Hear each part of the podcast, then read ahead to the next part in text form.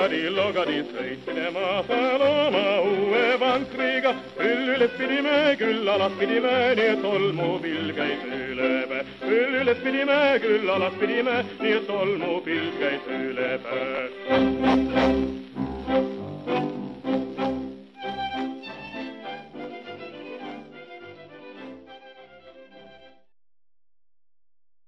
Tere kuulama Tasku Vikerkaart, mina olen Aro Velmet ja täna räägime Kristo Nurmisega eestlaste valikutest Teise maailmasõja lõpus. Kristol ilmus aprillikuises Vikerkaares väga hea artikkel pealkirjaga Natside ja lääne vahel Eesti Rahvuskomitee lugu. palun kõigil lugeda äh,. nagu see artikli pealkiri ütleb, Kristo, su artikli keskmes on Eesti Rahvuskomitee tegevuse ümbermõtestamine. aga ma ei ole kindel, kas kõik kuulajad üldse teavad, äh, mis asi oli Eesti Rahvuskomitee mis äh, reputatsioon tal Eesti ajaloomälus on, nii et äh, kas sa tutvustaksid meile natukene seda huvitavat institutsiooni? tere ja aitäh kutsumast, suur au siin olla. Eesti Vabariigi Rahvuskomitee on, on jah, selline ilus äh, mälestus või ilus lugu meil Eesti ajakirjanduses, et kui me võtame Teise maailmasõja tingimused äh,, äh, Nõukogude ja Saksa okupatsioon äh,, siis ja, ja kui me mõtleme oma tänase äh, riigikorra peale ja meie tänaste liitlassuhete peale, siis Eesti Vabariigi Rahvuskomitee on selline äh, tore, liberaalne ja demokraatlik äh, lugu ja, ja mis ei ole kindlasti vale lugu, et äh, et neljakümne kolmandal, neljakümne neljandal aastal Saksa okupatsiooni tingimustes Eesti nii-öelda patriootlikud jõud, demokraatlikult meelestatud liberaalsed jõud, nende seas oli nii äh, endisi äh, äh, agraalparteilasi kui, kui sotsialiste, kui kui, kui liberaale tulid kokku hakkasid läbi käima no mõnes mõttes nad käisid juba varem läbi, aga, aga neljakümne kolmandal aastal hakati aktiivsemalt kirjutama igasuguseid lendlehti mis olid ka suunatud nii-öelda lääne, läänemaailmale või läänepilgule ja kasutas nii-öelda äh, lääne liitlaste demokraatlikku retoorikat, Atlandi harta, hartale viidati ja ja põhimõtteliselt tekkis selline teatud koalitsioon, mis, mis siis püüdis äh, kehtestada ennast kui, kui äh, äh, rahvuse esindajana ja ja, ja püüdis samal ajal ka kogu aeg hoida ja luua suhteid Eesti välisdelegatsiooniga, ehk siis Eesti diplomaadid, kes olid Äh, Soomes, äh, Rootsis ja, ja nende kaudu ka siis olid kontaktid äh, USA konsuli ja, ja endise Suurbritannia suursaadikuga, Eesti suursaadikuga siis Londonis. ja, ja oldi tihedas kontaktis ja samal ajal püüti ka siis hoida suhteid ja, ja Jüri Uluotsaga, kes oli ehk siis viimane Eesti legaalne peaminister, Äh, ja äh, Saksa okupatsiooni ajal ülikooli professor, kes oli nii-öelda kontinuiteedi kandja ja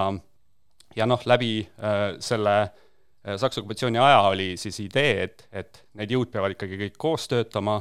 sest peale esimest Nõukogude aastat Eesti äh, nii-öelda poliitiline eliit oli põhimõtteliselt ju hävitatud, väga vähe inimesi oli alles ja siis, et luua selline äh, liit, kus äh, kohalikud äh, poliitilised jõud ja ka äh, nii-öelda vabas maailmas viibivad jõud teeksid koostööd. Ja siis neljakümne neljandal aastal lõpuks jõuti kõigi osapool, osapoolte poolt kokkuleppele, et, et moodustatakse see rahvuskomitee, mis on Eesti võimu kandja kuni nii-öelda iseseisvuse taastamiseni. Ja ja, ja, ja põhimõtteliselt see viib siis ka neljakümne neljanda aasta septembris Otto Tiefi valitsuse loomiseni. Ähm, ja, ja, ja täpselt, et nende retoorika oli alati äh, demokraatlik ja läänele suunatud, äh, aga, aga mis teeb selle äh, kaasuse tegelikult huvitavaks ja, ja väga komplitseerituks, on see, et et samal ajal toimus suur üldmobilisatsioon, mille kuulutas välja Jarmo Mäe, Eesti omavalitsuse juht, Äh, ühesõnaga Saksa okupatsiooni nii-öelda Eesti esindaja. jah, täpselt ja, ja, ja sakslaste ettepanekul ja, ja Jüri Uluots juba veebruaris otsustas seda toetada ja siis põhimõtteliselt olid ka need demokraatlikud jõud nagu valiku ees, et mida sellistes tingimustes teha. ja, ja kuna ikkagi Nõukogude võimu tagasitulekut kardeti, oli päris üldrahvalik äh, hirm, et Nõukogude Liidu tagasitulek hävitab terve ühiskonna, sellest me võime veel rääkida hiljem, äh, aga äh, tekkis siis nii-öelda nende, mõnes mõttes otsustati ikkagi siis toetada seda mobilisatsiooni kui ainuvõimalikku ja inimesed, kes tihti neljakümne kolmandal aastal siis võitlesid mobilisatsioonide vastu, Eesti Leegioni mobilisatsiooni vastu, nüüd mõtlesid ümber ja hakkasid siis äh, seda toetama, aga probleem sellega tekkis, et kuidas siis seda äh, lääneliitlastele äh, selgitada. ja, ja siin tekkisidki väga kibedad vaidlused selle välispoliitilise suuna suhtes mis siis äh, viis selleni, et tegelikult äh, läänele loodi natuke teine lugu kui see, mida räägiti Eesti elanikkonnale. just nii, et äh, üks viis, kuidas võiks jutustada seda lugu Rahvuskomiteest, on noh, nagu sa oma mõtet alustasid, et selline tore liberaalide ja, ja sotsialistide kogu, kes oli nii Nõukogude okupatsiooni vastu kui ka Saksa okupatsiooni vastu, oli äh, iseseisva Eesti poolt ja seda võiks ka kinnitada üks äh, kahekümne kolmandal juunil äh, välja antud äh, dokument, äh, mis siis võrdsustaski äh, natsid ja, ja Nõukogude võimu äh, ja mis publitseeriti väljaspool Eestit äh,, aga siis samal ajal sa juhid tähelepanu, et äh, et kui seesama dokument avaldati tuhande üheksasaja neljakümne neljandal aastal, siis sellesama nagu üldmobilisatsiooni ajal äh, avaldati Eestis, siis äh, sealt olid need viited äh, Saksa okupatsiooni kuritegelikkusele välja võetud. Jah, põhimõtteliselt no natuke seda seal ikka oli ja oli ikkagi see vabariikluse ideoloogia, aga nii-öelda äh, välja lõigati jah, äh, viited lääneliitlastele ja viited äh, Äh, siis nagu sellised käredamad äh, natsivastased seisukohad, et et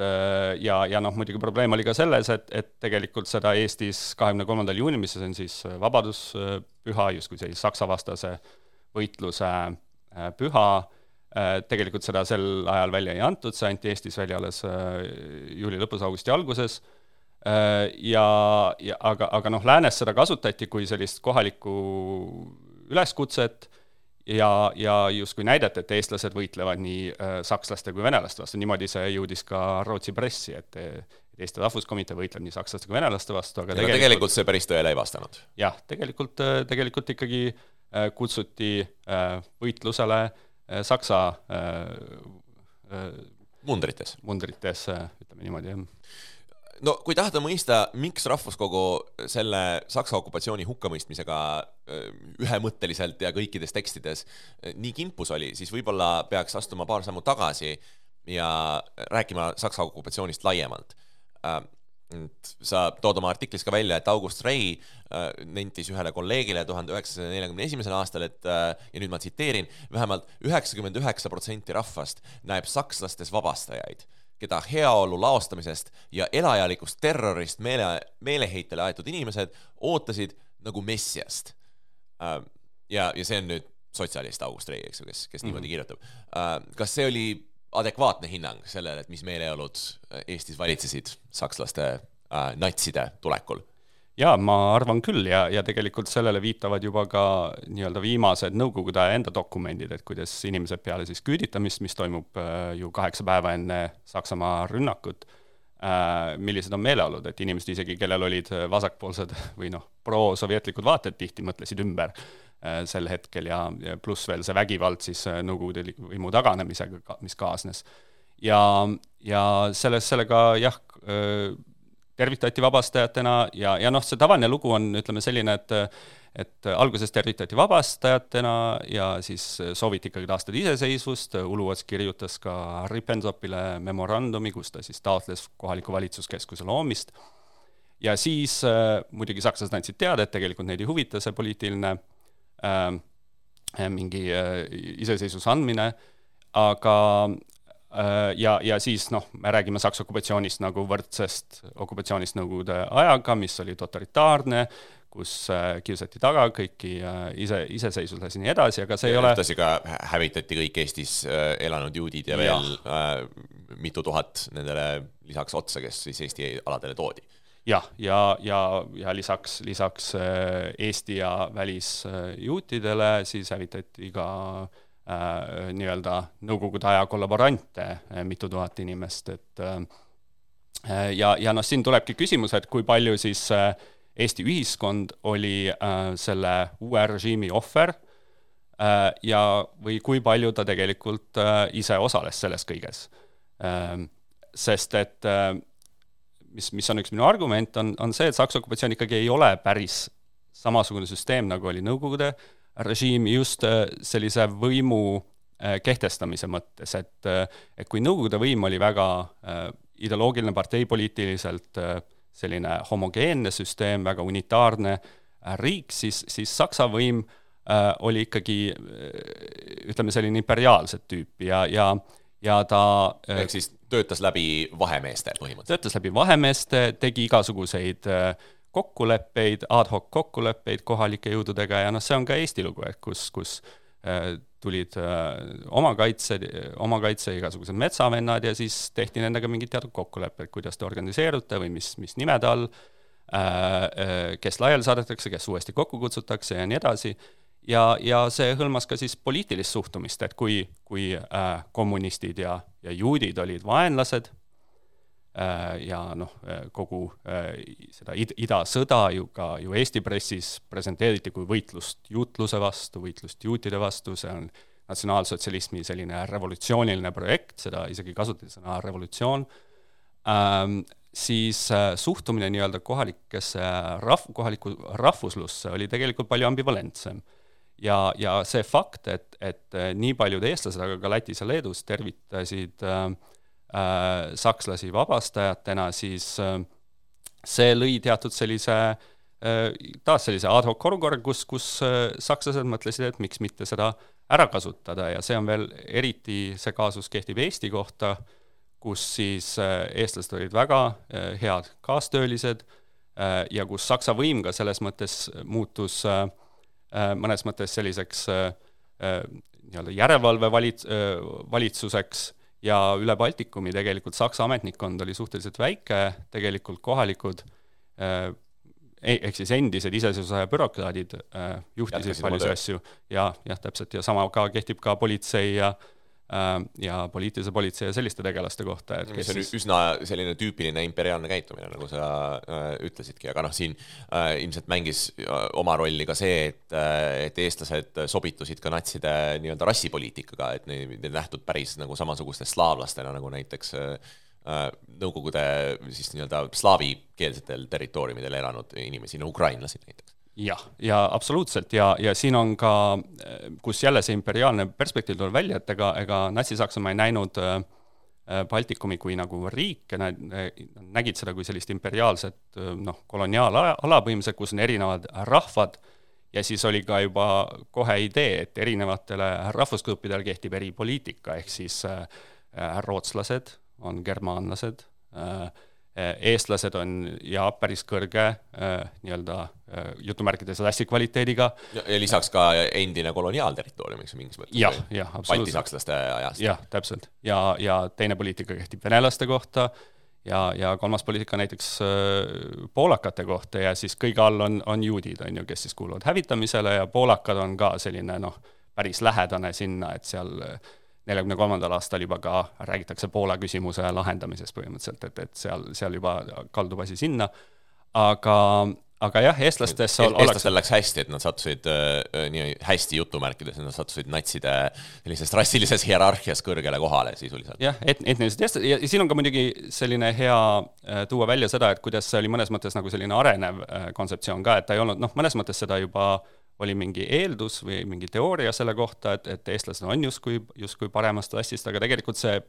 paljuski arenes, et see koostöö justkui kinnitas seda äh,, seda, seda rassilist kvaliteeti ja, ja, ja eestlastel tekkisid oma nii-öelda lobistid, kes siis seda argumenteerisid, seda ja noh, alates Eesti omavalitsust, aga ka kindralkomissar Litzmanniga, kes siis Saksa poolt juhtis äh, Eesti alasid. Ja ja, ja noh, oli ka teatud vaidlus, et, et, et seal mõned pidasid, et, et see on ikkagi natuke, ei ole, ei ole päris adekvaatne, et eestlased on nüüd nii rassiliselt kvaliteetsed ja, ja noh, selline vaidlus, vaidlus käis ja erinevad grupid, erinevad indiviidid pakkusid veel erinevaid äh, nii-öelda rassipoliitilisi lahendusi siis, kuidas, kuidas eestlastega edasi minna, aga see on omaette pikk lugu. see arutelu Saksa okupatsioonist paneb mind mõtlema natukene äh, noh, näiteks Timothy Snyderi äh, sellele topeltkollaboratsiooni teesile, eks ju, kus ta põhimõtteliselt äh, ähm, väidab, et, et see, mis seletab ähm, Baltikumis näiteks, noh, mujal ka väga sellist entusiastlikku kaasaminemist Saksa okupatsiooniga ja siis ühtlasi ka väga entusiastliku kaasaminemist juutide hävitamise ja, ja holokaustiga, ähm, on siis see, et, et Nõukogude okupatsiooni siis selle nii-öelda esimese äh, Nõukogude aasta jooksul ähm, terve kuna, kuna tegemist oli sellise noh, nagu sa ütlesid, totalitaarse äh, okupatsiooniga, mitte sellise tüüpilise imperiaalse poliitikaga, kus siis tõesti nagu värvati inimesi äh, Nõukogude aparatuuri nii äh, funktsionaalselt, aga ka ideoloogiliselt ähm,, siis äh, terve hulk inimesi tundsid, et äh, pärast seda esimest Nõukogude aastat neil oli vaja kuidagi ennast sellest äh, äh Nõukogude perioodist nii-öelda puhtaks pesta äh,. ja oli vaja leida mingisugused äh, inimesed, kellele siis Nõukogude režiim süüks panna, siis selleks võis leida näiteks juudid Äh, sest et argument äh, bolševisti, bolševismi juutluse kohta, eks ju, oli Natsi-Saksamaa üks keskseid argumente. Ja siis äh, ühesõnaga, et see, see ühtlasi võimendas seda entusiasmi vähemalt nagu poliitilise eliidi tasandil,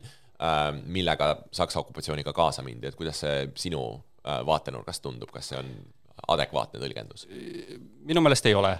aga ta on väga atraktiivne tõlgendus ja, ja ma tean, kust see tuleb, et see tuleb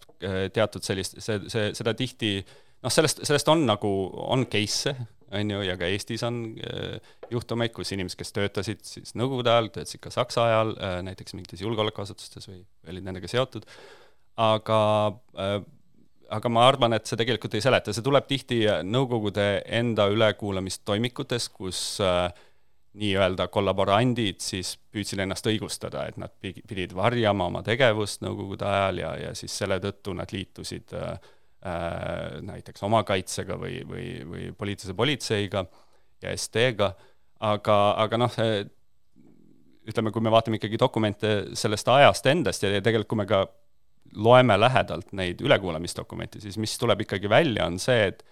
et paljud need omakaitselased ja politseinikud olid ikka rahvuslikult meelestatud ja, ja nad, nad nägid äh, võimalust öö, äh, olla liitlassuhetes sakslastega ja, ja ja, ja, ja ka väga palju, ütleme, sellist äh, puhastustööd äh, ju äh, korraldasid ikkagi Eesti puhul siis eestlased ise ja Eesti politseinikud ise, et et juhtide teema on muidugi väga spetsiifiline, et see oli ju suur salajane projekt, kus, kus ikkagi, mis oli sakslaste jaoks enda jaoks selline ikkagi väga salastatud ja, ja, ja kus muidugi kasutati kohalikku arkaadit, aga ta oli ikkagi täiesti väga, väga unikaalne projekt, ütleme aga kui me võtame näiteks äh, Nõukogude aja nii-öelda kollaborantide äh, tagakiusamist või, või nende, nende üle kohtumõistmist ja ja tihti ka mittekohtumõistmist, siis, siis seda ikkagi korraldasid ju Eesti politseinikud ja sellest nähti nii-öelda rahvuslikku õigu-, õigusemõistmist, ehk siis kui me ise mõtleme ka, et ega meil ju monumente neile ma ei tea, kuuele-seitsme tuhandele inimesele ei ole, meil on, meil on juutidele monument, sest see on väga spetsiifiline. Äh, ja, ja, ja me tunnustame, et see on, see on nagu ebaõiglane, äh,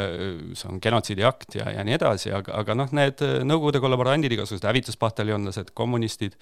äh, miilitsad, kes ju kõik hukati, ega need, need, need, nende üle noh, keegi, keegi nagu ei, ei kahetse seda või ei tunne selle üle puudust, et selline kohalik arvete kraadimine oli kindlasti äh, ja, ja ütlengi, et, et nagu see Saksa poliitika oli piisavalt, noh, kasutatakse sõna nagu pehme käe poliitika või, või näiteks äh, siis äh, Saksa ärkkindralkomissar äh, Litzmann ütleb, et, et me, me ei peaks nagu alla suruma kohalikke völkish impulsse, et me peaksime neid just tunnustama, kui nad aitavad meid, ja, ja, ja, ja on teatud selline, ja, ja et kui me tahame, et need eestlased meiega võitleks, siis me peame respekteerima nende rahvuslust ja noh, äh, sakslased kasutavadki niisuguseid mõisteid nagu äh, kohalikud natsionaalšovinistid või kohalikud šovinistid, mis kehtib siis ka nii-öelda nende anglofiilide ja nende kohta, aga, aga noh, nendega võib ikkagi läbi rääkida ko, koostööd teha, samas ka Jüri pragmaatikud ühesõnaga. jah, ja sama kehtib ka Jüri Uluotsa kohta, et, et, et, et, et nagu tema kohta öeldakse, et on ikkagi stark England freundlich, et väga tugevalt sa-, inglisesõbralik mis tingimata ei vasta tõele, aga, aga, aga noh, mis, mis näitab sellist suhtumist, aga noh, teda ikkagi kasutatakse hea meelega ja, ja teda ei arpeseerita ka midagi, et, et et nähakse tema, tema nagu kaalu ja seda saab ära kasutada ja, ja noh, ma, ma tahan öelda, et, et siin peab ette vaatama, kui oleme ka, et kasutada sõna pragmaatik,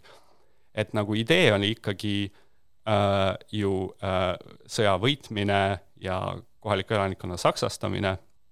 mis, mis käis ju äh, kogu Saksa okupatsiooniga kaasas, äh, mis oli ka Litzmanni eesmärk ja noh, sellest need omavahelised sakslaste dokumendid väga aktiivselt räägivad, aga noh, selline ajutine pragmaatiline koostöö oli kindlasti aktsepteeritav nagu sõja üldise lõpu või tulemuse perspektiivist. Teeme siinkohal väikse pausi ja kuulame muusikat ja siis räägime Saksa okupatsioonist ja Rahvuskomiteest edasi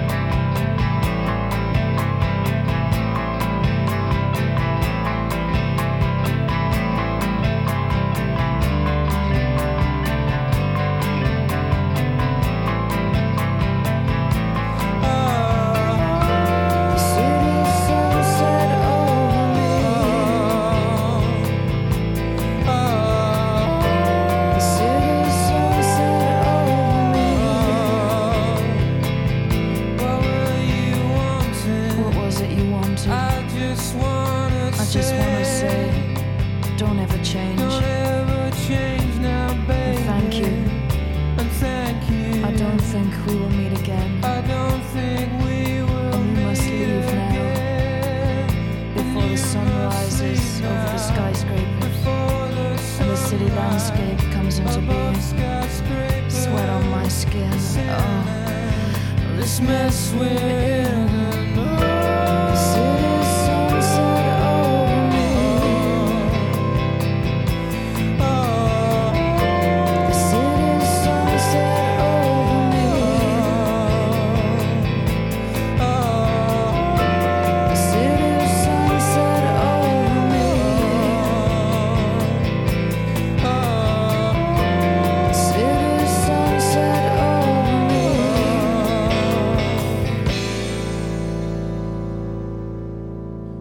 Kuulate tasku Vikerkaart, mina olen Aro Velmet ja külas on ajaloolane Kristo Nurmis. me räägime Saksa okupatsiooniajast Eestis ja Eesti Rahvuskomitee keerulistest valikutest, kui tuli Nõukogude ja Saksa okupatsiooni hukka mõista. rääkisime sellest, et kuidas Saksa okupatsioon võrreldes Nõukogude okupatsiooni, okupatsiooniga oli pehmekäelisem, andis rohkem tegutsemisvõimalusi rahvuslikele jõududele, oli pragmaatilisem Äh, kuivõrd see äh, eestlaste suhtumine Saka, Saksa okupatsiooni selle aja jooksul muutus, sest et see oli ikkagi küllaltki pikk periood. et kas tuhande üheksasaja neljakümne kolmas aasta või neljakümne neljas aasta nägid välja kuidagi teistmoodi kui neljakümne esimene ja neljakümne teine? jah, kindlasti, noh, see on kolm ja kolm aastat ja, ja kuud, on ju. et äh, et noh, alguses muidugi see eufooria ja, ja nii-öelda need mesinädalad äh, hääbusid kiiresti ja noh, muidugi selline arusaam oli, et sakslased on, on imperiaalsed jõud eh, ja kes, kes tahavad eh, vallutada, võib-olla ka saksastada, aga siiski need sellised teatud eh, liberaalsed tingimused, kus, kus eestlastele jäeti oma agentsus, oma võimalus organiseeruda mõnes mõttes ja, ja, ja nii-öelda elada oma, oma ideoloogiaid, ütleme niimoodi, siis see ikkagi tegi selle kuidagi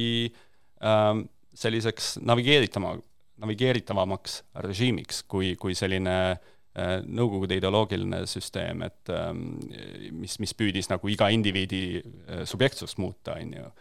Ähm, ja, ja äh, nähti võimalust teha poliitikat ja, ja jõuda sakslastega võib-olla mingile kokkuleppele. ja, ja noh, anti teatud lubadusi või katsetati, oli ka Eesti ja Läti autonoomia idee, mis jõudis ka Hitleri lauale kuigi see ei olnud väga laialdane autonoomia, aga ikkagi see oli nagu idee, et, et, et nagu justkui tunnustada äh, eestlasi, lätlasi ja samas äh, nagu teha paremat koostööd nendega ja teha võib-olla ka eriti Eestist selline, isegi selline musternäide nii-öelda natsi-Euroopas, ehk kuidas natsivõimud väikerahvastega äh, hästi läbi saavad. kes seda ideed äh, edendas? seda promos Litzmann, aga seda kaudselt promos ka muidugi Herman Mäe ja, ja noh, Järvemäe on ka hea näide sellest, kellel, kellel olid ka oma ideed, et et ta, ta ei olnud, ta oli küll väga hea käsutäitja ja sellepärast ta meeldis ka Saksa võimudele, aga tal olid ka oma väga radikaalsed plaanid, tal oli idee Eesti rahvastik mitmekordistada kahekümne aastaga, ehk siis et nagu kompenseerida küüditatute arvu ja siis tal olid igasugused utoopilised plaanid, et kuidas äh, uus peremudel peab olema kaheksa, kaheksa last ja, ja peab äh, kehtestama äh, poissmeeste maksu äh, ja, ja registreerima kõik inimesed vastavalt rassi kvaliteedile ja eriti rassi kvaliteedilised mehed, neil võiks olla ka mitu naist, et siis toota ma, rohkem lapsi. kas, kas, kas ma mäletan õigesti, et ta e-, enne seda oli äh, mingil hetkel äkki vabadussõjalaste propagandateenistuses või midagi taolist? ja enne seda ta oli keskerakondlane. kõlab, kõlab sedamoodi nagu ja, see, mida, mida seda, sedalaadi mees võiks mõelda. jah, ja no ta ise nimetas ennast, ise, ise nimetas ennast kirjades äh, näiteks Himmlerile ikka natsionaalsotsialistlikuks, kuigi ta ei olnud parteiliige, ta ei saanud olla parteiliige aga, aga nii radikaalsed, kui need ideed ka eh, ei tundu, siis tegelikult need ei sobitunud absoluutselt natside plaanidega, millest ka eh, Hjarman Mäe oli teadlik, ehk siis eestlaste saksastamine, et see ei sobitunud absoluutselt selle mudeliga, et tema ajas nagu oma agendat ja siis Idaministeerium isegi hakkas tundma huvi, et mis, mis jama seal Eestis toimub, et kas, kas Himmler on teinud mingi spetsiaalse diili Mäega, et, et eestlased eh, säilitatakse et selline kiri tuleb Berliinist, siis, siis Litzmann ütleb, et ei, et see on mingi Järvemäe mingi umbluu, mis ta ajab, et tegelikult see on lihtsalt mingi utoopiline vestlus, noh, mängivad ideega, et, et see aga... ei oleks kunagi aktsepteeritav eestlastele ja see ei ole ka aga las ta praegu seda mõtleb enam. jaa, las ta seda praegu mõtleb ja seda teeb ja, ja noh, see näitab ka, et on selline teatud pluralism äh, ja mitmekülgne, mitmekülgsed ideoloogiad kehti-, käivad no okei okay,, ütleme, et ühel pool äh, või ühes sellises äärmuses sul on äh, Hjalmar Mäe oma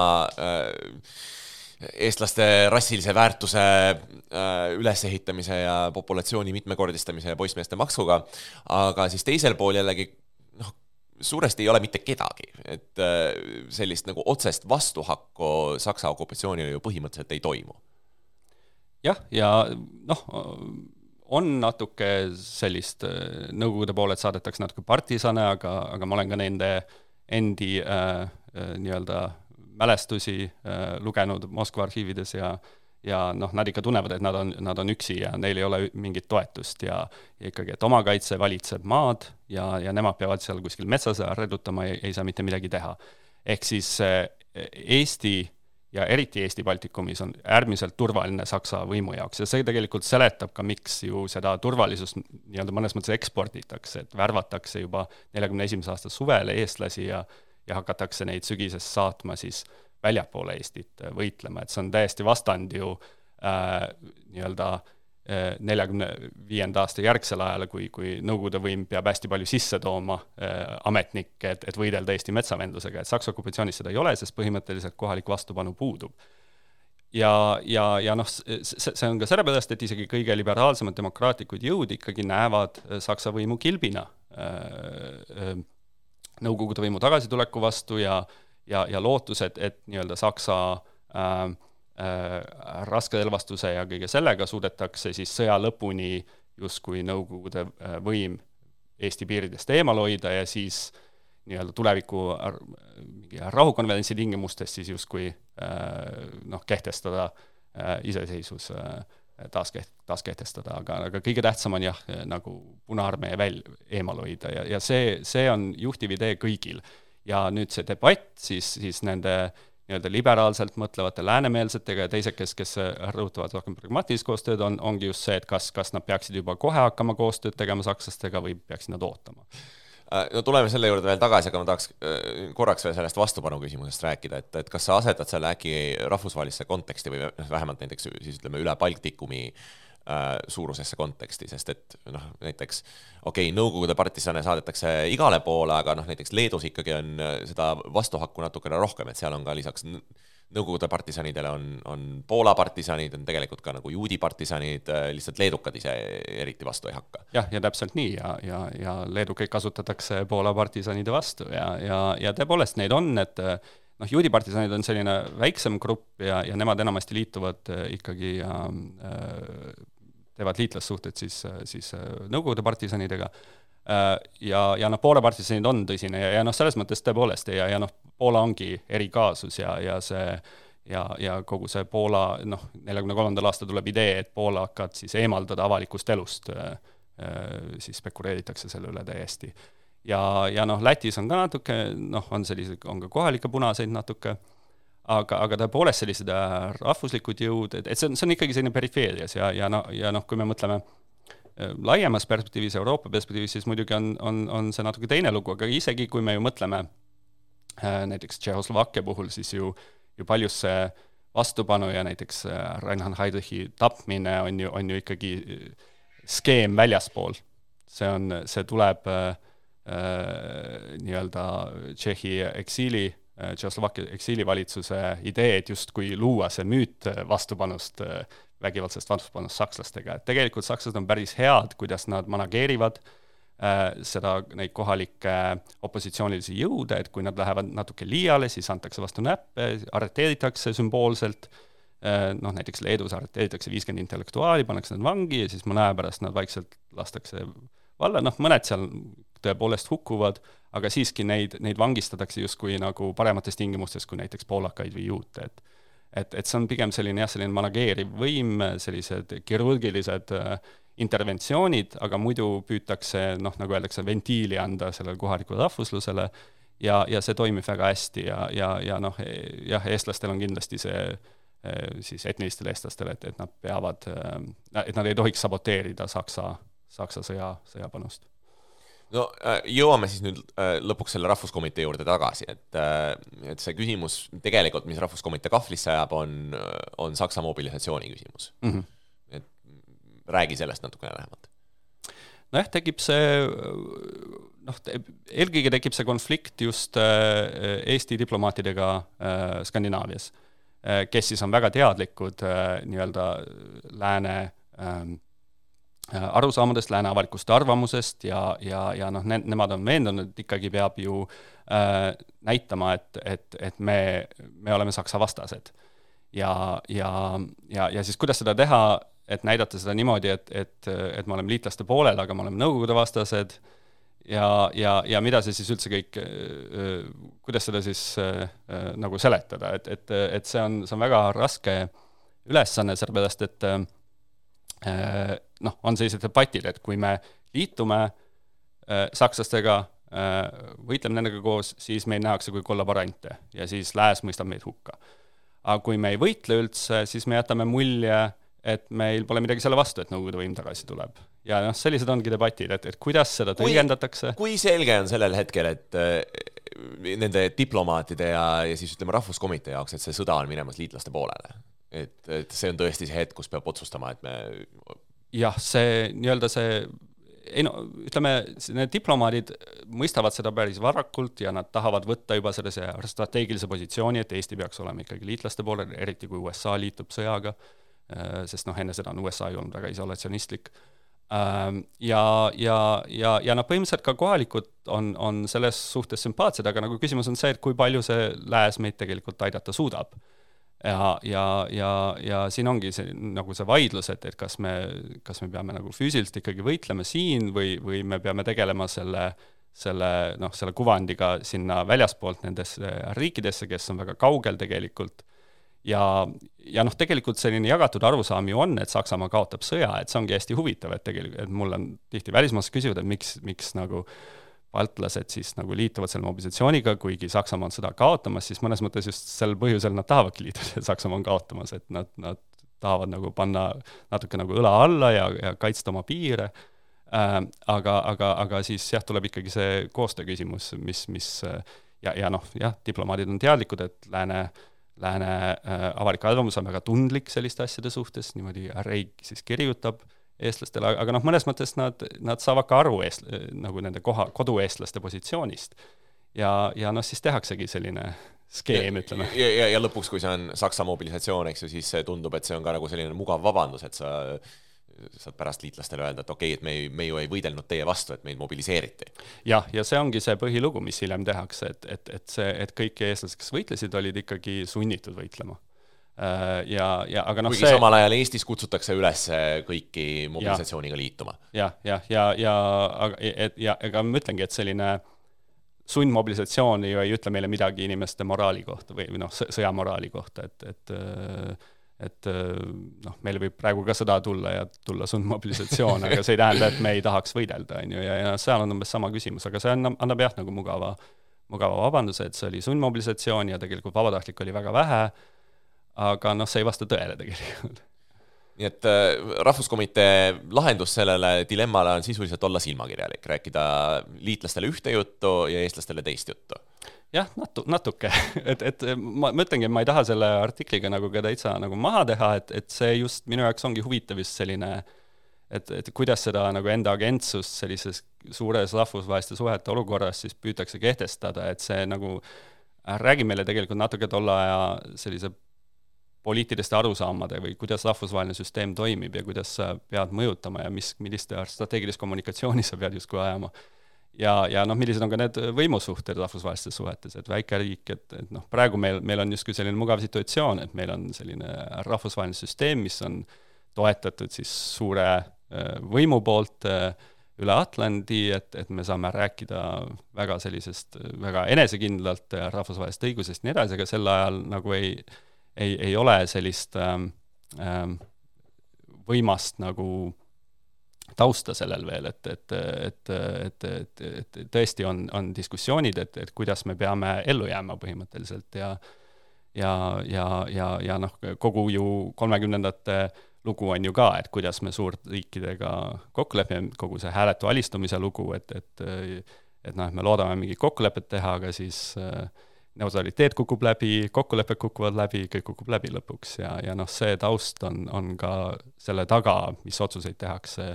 nelikümmend kolm, nelikümmend neli. kuulame nüüd vahepeal jälle muusikat ja siis räägime natukene pikemalt äh, selle perioodi mälupoliitikast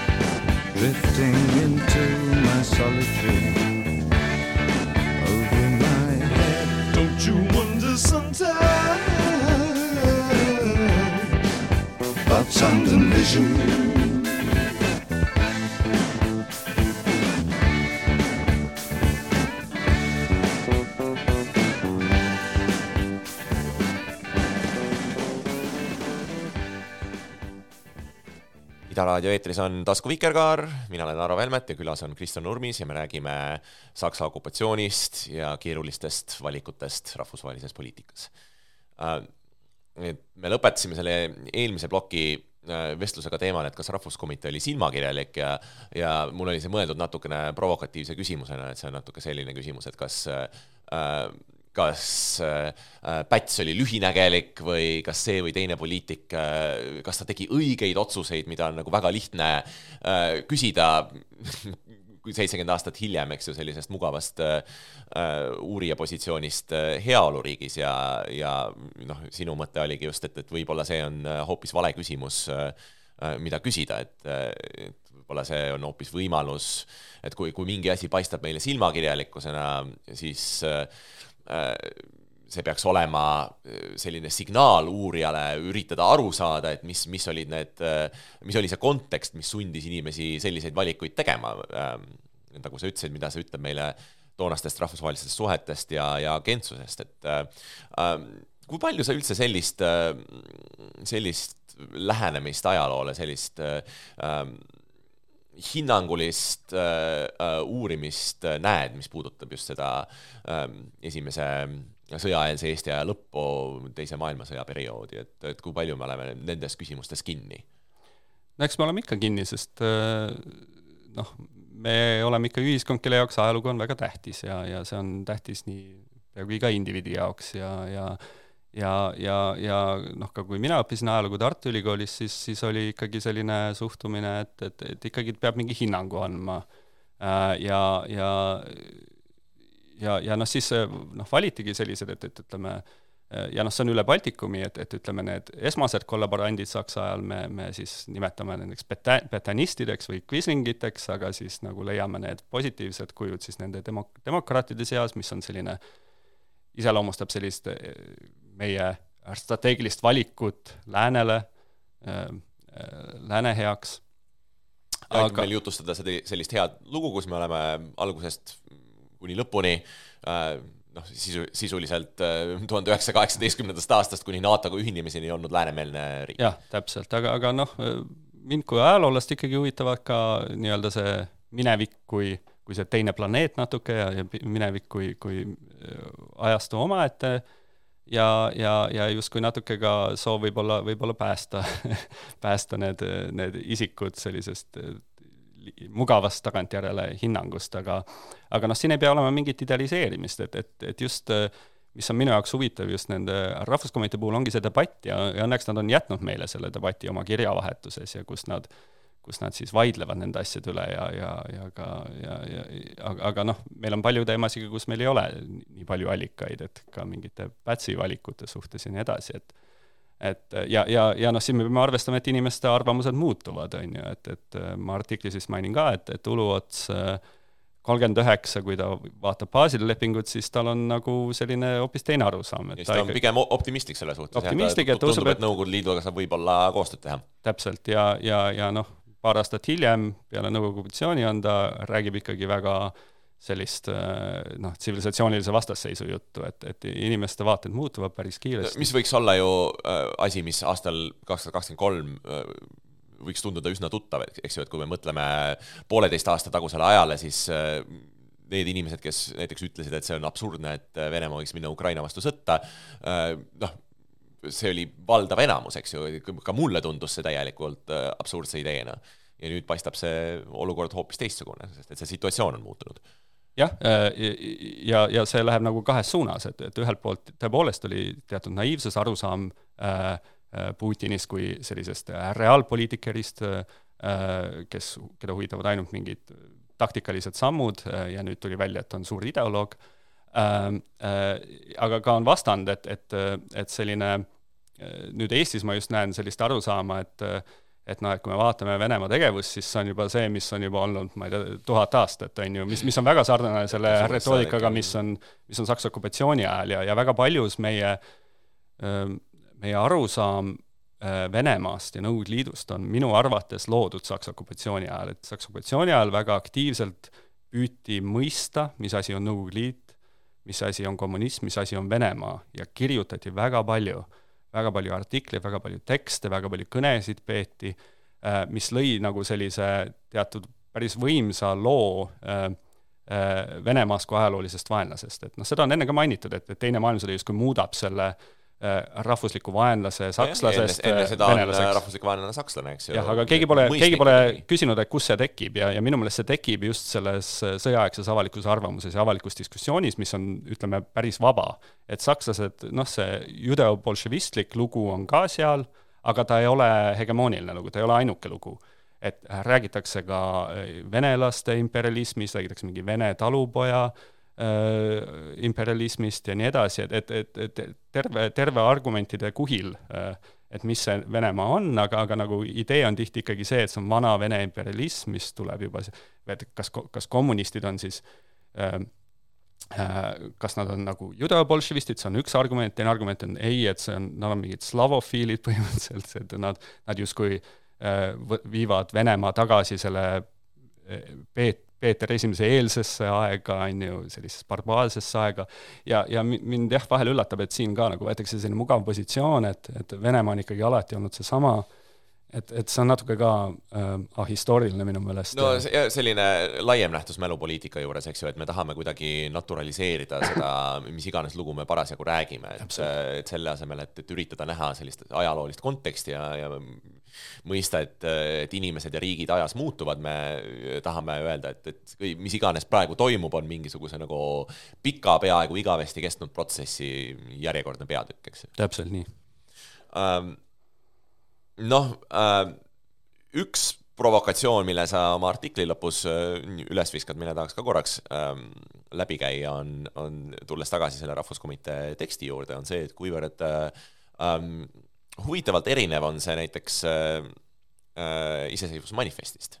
et kui äh, iseseisvuse manifestis äh, legendaarselt räägitakse kõikidest Eestimaa rahvastest, siis äh, Rahvuskomitee räägib konkreetselt Eesti rahvast. ja et see on selline äh, kui me siin juba rääkisime huvitavatest muutustest, mis äh, kahekümne aasta jooksul jõuavad juhtuda, siis see on päris huvitav muutus, et äh, kas sa avaksid seda natukene, et miks see, kust see muutus päri-, pärineb? jah, no ja, ja ei, see on nagu väga huvitav teema ja see on selline väga nagu delikaatne asi ka, et või, või seda on nagu, alati on raske näha seda, mida ei ole, et äh, et, et kui me loeme neid äh, Rahvuskomitee tekste ja, ja nende kirju ja nende dekla-, deklaratsioone, siis see tundub kõik väga väga liberaaldemokraatlik, äh, riigiõiguslik ja nii edasi, aga, aga nagu mõnes mõttes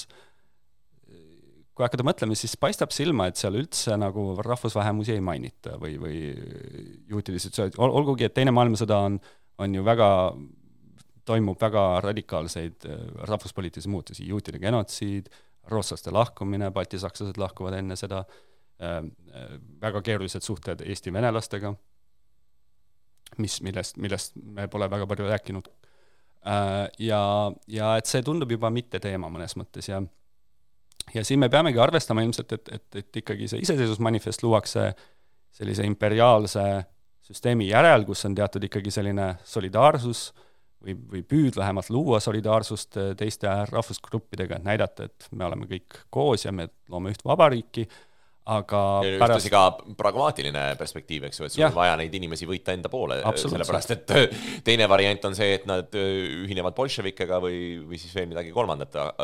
eks ju, baltisakslaste puhul ja, äh, ja. üritavad luua baltisaksa autonoomiat või jah, jah, jah, absoluutselt, aga, aga nagu kahekümne aasta jooksul, kui luuakse selline rahvusriik, siis tegelikult see ikkagi äh, mõnes mõttes see rahvuskontseptsioon muutub üha etnotsentrilisemaks ja, ja, ja need vähemused ikkagi muutuvad selliseks noh, külalisteks või, või ja, ja noh, kolmekümnendatel on ka väga populaarsed igasugused rahvuslikud ideoloogiad, sellest on Liisi Veski kirjutanud väga huvitavalt, et nojah, ja väga, väga, väga lihtne on meenutada kahekümnendate rahvusvähemuste kultuuriautonoomia seadust ja siis hüpata üle kolmekümnendatest mm. -hmm, mm -hmm et täpselt, et näed, et mõnes mõttes see autonoomia on ju, on ju võimas ja, ja rahvusvahelises aja, aja, rahvusvahelises ajalookirjutuses seda ikkagi äh, tuuakse alati välja kui sellist head erandit ja, ja ma arvan, et siin ei pea otseselt midagi nagu häbenema ka, aga või, või seda kuidagi nagu väga, kõike väga silmakirjalikuks, et, et ma arvan, et siin on mingi väga selline jah, selline ähm, äh, peen mingi muutus hakkab toimuma, et, et selline, et jah, kui teises maailmasõjas äh, räägitakse äh, rahvusest, siis see kipub olema ikkagi selline väga etniline arusaam sellest, et, et, et noh, kuigi me võime ju öelda, et noh, et Rahvuskomitee ju taotles konstitutsiooni taastamist, mis, mis lubab siis kõiki neid asju, aga, aga ikkagi ta, eestlased mõtlesid eelkõige etniliste eestlaste suhtes ja see tuleb välja ka nagu kirjavahetustes, et, et nagu ega nendest teistest rahvastest neid peaaegu ei mainitagi. et, et kõik, kõik need võitlejad on ikkagi etnilised eestlased ja kõik need aktivistid on etnilised eestlased ja, ja selles nagu keskkonnas see, see toimib, et, et see on võib-olla jah, selline asi, mille üle, üle nagu mõelda, et mm, -hmm. et nojah, siin võib, ühelt poolt võib mõelda, eks ju, äh, kolmekümnendate perioodile ja, ja sellise vaikiva ajastu rahvuse ehitamise peale, aga siis teisalt ka noh, olgu see äh, omas hetkes võib-olla pragmaatiline protsess, aga, aga ka, aga et sellel on sellised pikemad äh, tagajärjed siis ka Saksa okupatsiooni aegsele perioodile, kus sakslastega koostöö tegemise eelduseks oli see, et sa võtsid omaks selle oma rassilise või siis etnilise eristuse mingitest teistest rahvustest, kellega sakslased nii hästi ümber ei käinud jah, ja mõnes mõttes ju ka nii-öelda hülgasid äh, need, need rahvusvähemused, et see ju tuleb Just välja täpselt. Äh, Tartu omakaitse puhul, kes siis äh, nõustub arreteerima kõik Tartu juudid, mehed, naised, lapsed, et, et see on selline justkui selline diil, mis tehakse sakslastega. ja mis on noh, väga noh, selle, siin ei ole mingit riigiõiguslikku või mingit rääkimata moraalsest positsioonist, et, et, et tekib selline arusaam ja, ja, ja see diili peetakse justkui õigustatuks ja vajalikuks ja sama on suhted venelastega, keda siis justkui ikkagi peetakse Nõukogude meelseteks ja keda, keda nagu ka nagu taunitakse, kui näiteks püütakse värvata äh, Saksamaale äh, siis sinna tööteenistusse inimesi, siis ikkagi need Eesti ametnikud püüavad neid, neid venelasi sinna sokutada, et, et sellised, sellised tendentsid on ka nagu olemas, et sellised, need etnilised suhted ei ole väga, väga head rääkimata, kuidas nad on, on Lätis ja Leedus, et, et Eestis on isegi, isegi pehme, ütleme niimoodi mm. -hmm. ja, ja see jällegi muudab keerulisemaks äh, Eesti rahvusluse ajaloo sellise äh, ilusa lineaarse, nagu sa äh, ütled, natukene teleoloogilise narratiivi jutustamise, kus me alustame seal kuskil Karl Robert Jakobsonist, eks ju, ja siis jõuame välja tänapäeva, eks ju, et äh, et väga keeruline on seda lugu ajaloole tõe, ajaloole truuks jäädes jutustada niimoodi, et sa hüppad seda kolmekümnendatest ja Saksa okupatsiooniperioodist üle, sest et ilmselgelt sellel on mõju selle rahvusluse kujunemisele. jah, ja noh, küsimus ongi, et kas meil on vaja siis seda, seda lihtsustatud lugu, et, et milleks, et see on ju nii igav no see on hea koht, kus lõpetada, aitäh, Kristo, vestlemast ja siis äh, ootame järgmist peatükki, et aitäh. saaks uuesti siin vestelda There's something new there. There's something new there.